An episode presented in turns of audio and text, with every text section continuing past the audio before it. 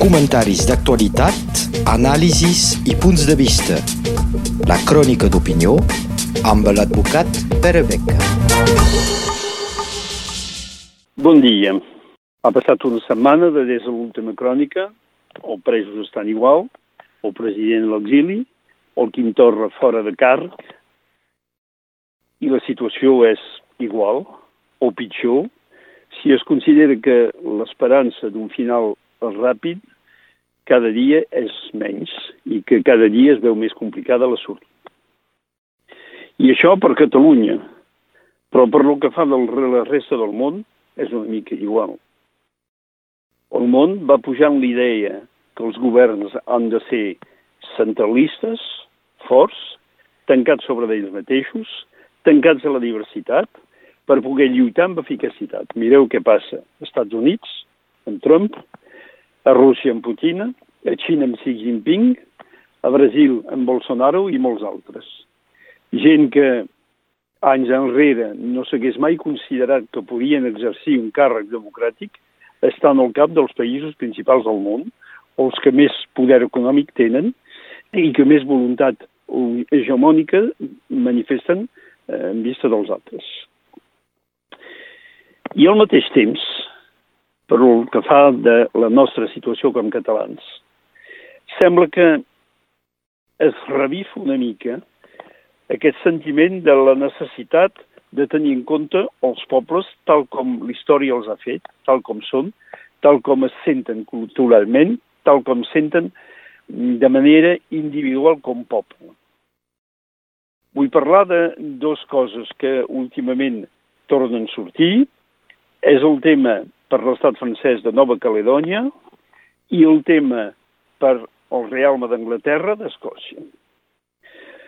Nova Caledònia és una illa del Pacífic Sud, que va ser una colònia, una colònia francesa perquè un temps, al moment de les expedicions de la Perusa, hi van arribar mariners francesos i que això va quedar.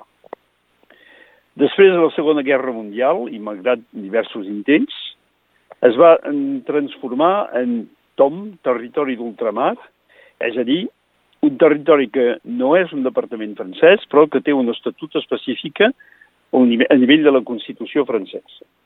I aquest territori, de fa molts anys, té una assemblea pròpia que té molt més poders que no pot tenir un Consell departamental o un Consell regional. Per tant, el fenomen de la situació dels canacs, que es troben negats en la seva cultura i marginats econòmicament, a favor de la població, entre cometes, immigrada o filla d'immigrada que ha arribat a Nova Caledònia, fa que aquest moviment nacionalista ha anat creixent. Fins a l'any 1993, eh, el moment del conflicte dit de UBA, que va arribar a una situació de violència violència militar i de morts.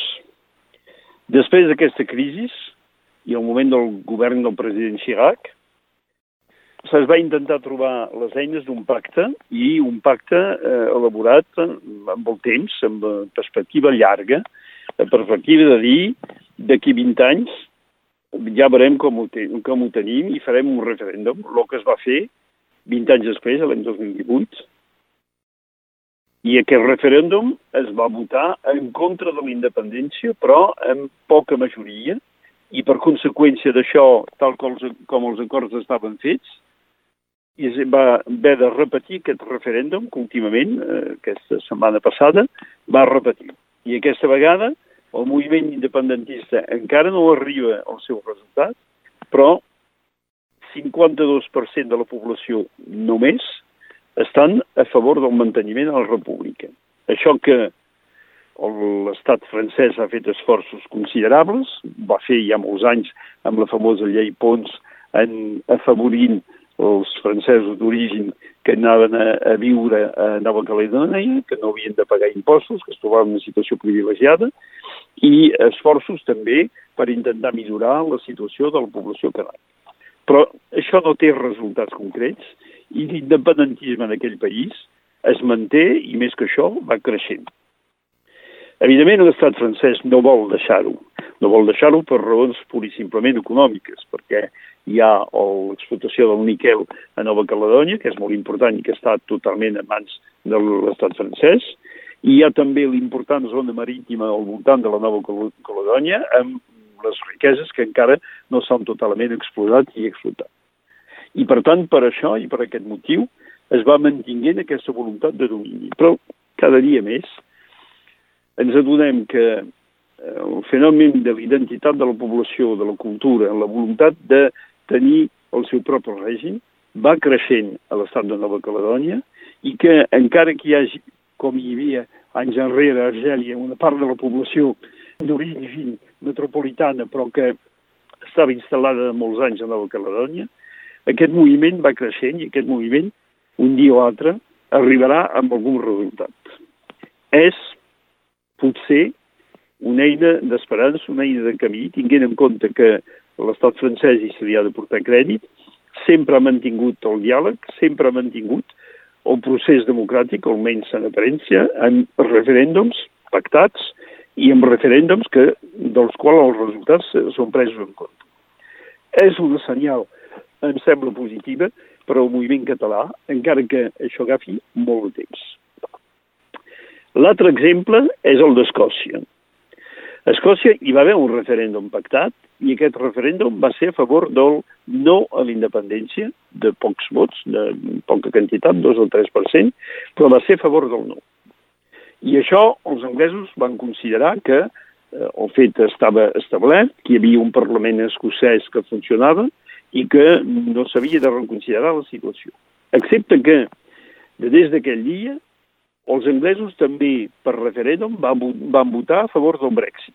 Llavors que a Escòcia el no al Brexit va reunir 62% dels vots dels escocesos.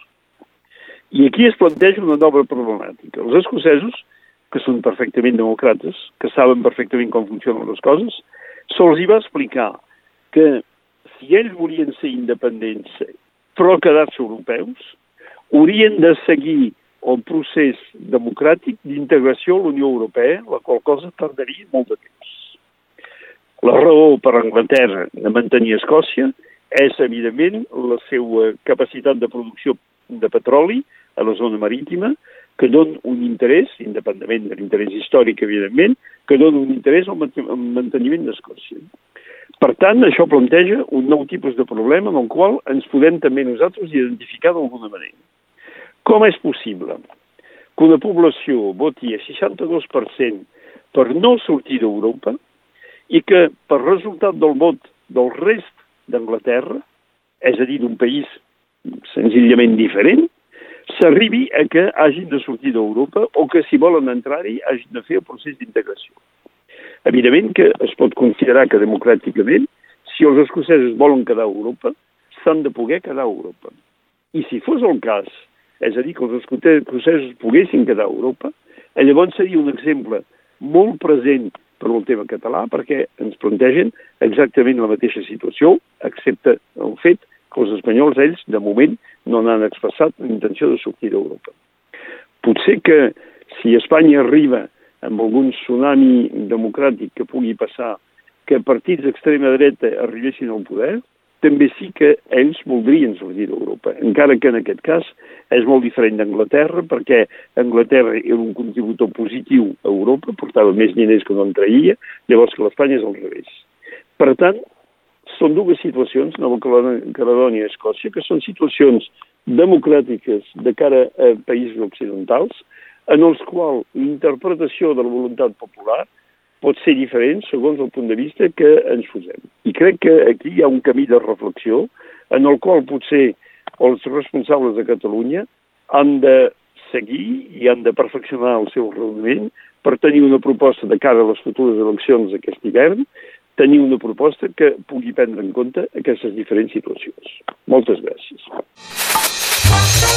Comentaris d'actualitat, anàlisis i punts de vista. La crònica d'opinió amb l'advocat Pere Beca.